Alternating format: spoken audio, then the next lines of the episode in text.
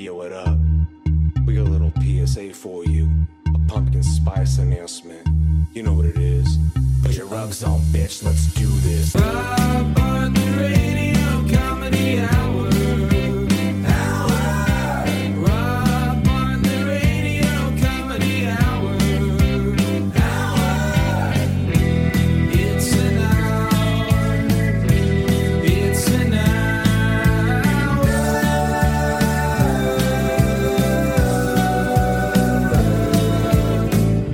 Welcome to the Rob Bartlett Radio Comedy Hour. I am Rob Bartlett, and this is my Radio Comedy Hour. Season 3, Episode 4, the Pumpkin Spice episode.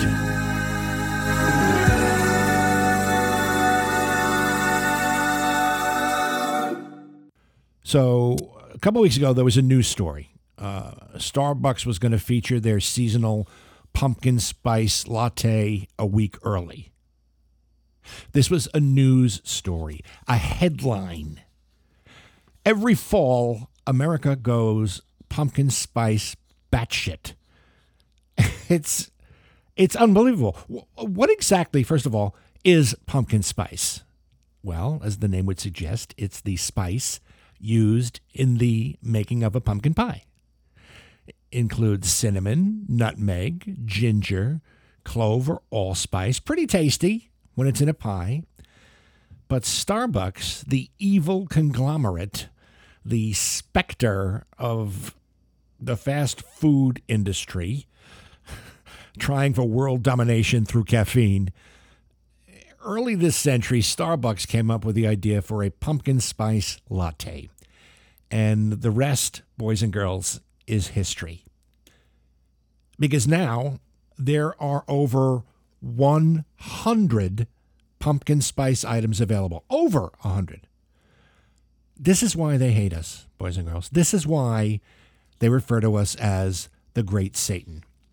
Because we have over a hundred pumpkin spice items. There are cultures on this earth where the people are starving, and we have a hundred pumpkin spice items.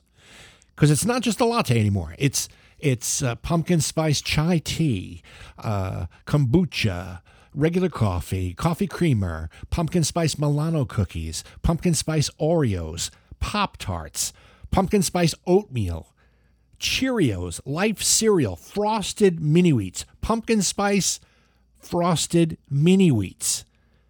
Kit Kats, M&Ms, pumpkin spice Godiva chocolate truffles, marshmallows, marshmallow peeps, granola bars, protein bars, cinnamon rolls, croissants, muffins, almonds, pecans, yogurt, waffles, pancakes, pancake syrup, peanut butter, braising sauce, pumpkin spice braising sauce. What the fuck are you going to braise in pumpkin spice?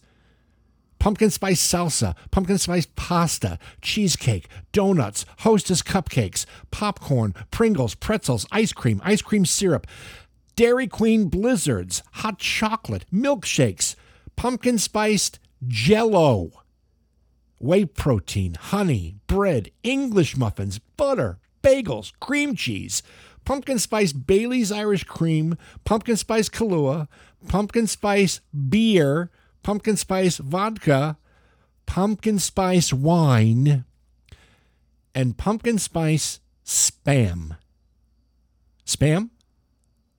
Is there any reason, what possible reason could you come up with on God's green earth why the hell we need pumpkin spiced spam? Spam is already pretty disgusting on its own already. It doesn't need any help.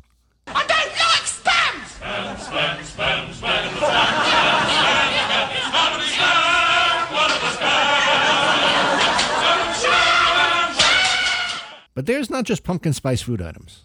Oh no. Oh no.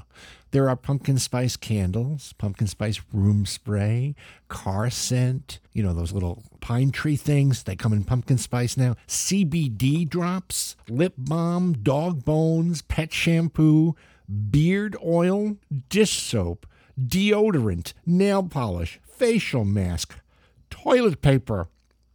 Toilet paper.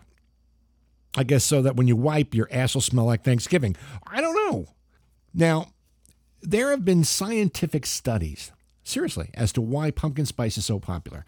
Actual scientific studies, and they have determined that pumpkin spice is indeed an addictive substance, not in a neural mechanism sense like drugs or alcohol exactly, but they found that the more pumpkin spice you consume, the more you reinforce the behavior and want to consume more.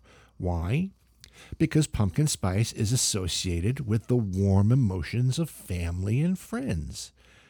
And there's definitely a correlation between scent and memory. And when an odor or, or flavor, and 80% of flavor is the smell, by the way, when you combine that with sucrose in a hungry person, the person learns on a subconscious physiological level to associate that flavor with good feelings, which is the very concept of comfort food.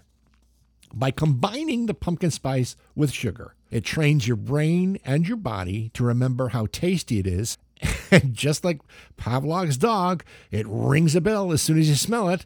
Even if you just imagine smelling it, your body develops an anticipatory response that results in an insatiable craving for it. What's another big part of the reason why you have an insatiable craving for pumpkin spice? Because, like the McRib, it's only available for a limited time. Supply and demand. Get the demand built up for eight months, and then boom, they drop the pumpkin and people lose their fucking minds.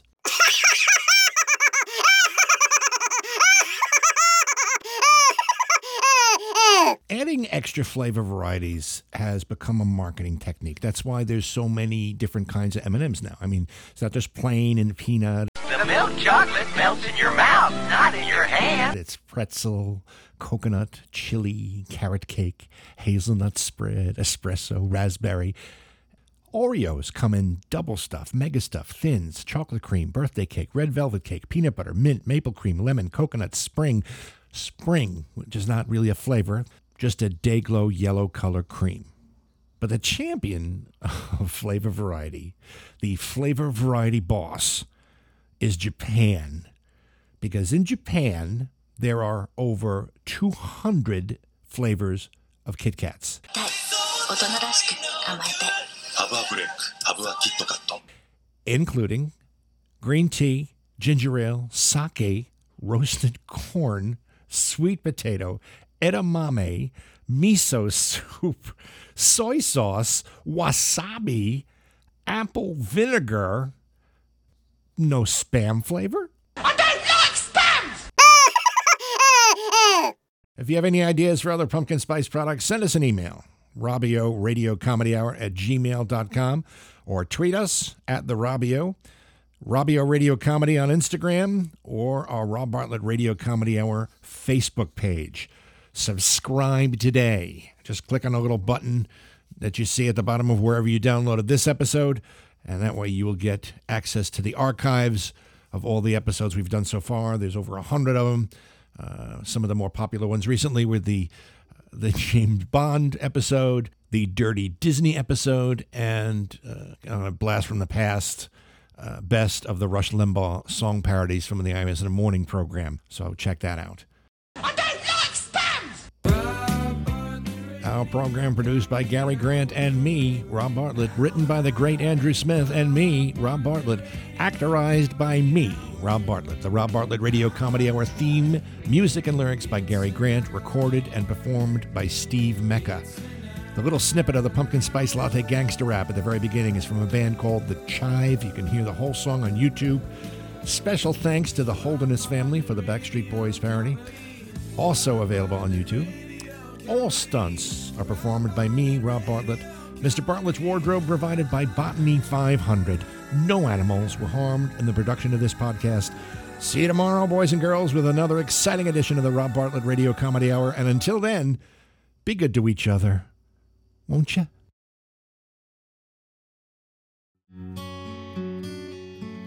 Yeah, yeah. It's not yet September, and it's warm till November, but it's here on Tuesday. Pumpkin spice latte. Yeah, I love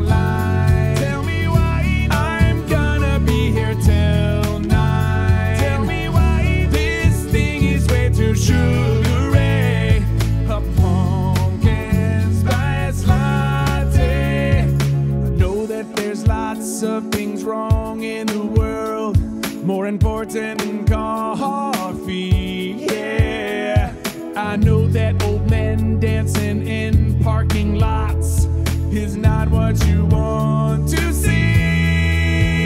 I gave my order to you a simple nitro cold brew. There you are. Honey, I thought you wanted to try a pumpkin spice latte. It's so it just tastes like fall. I love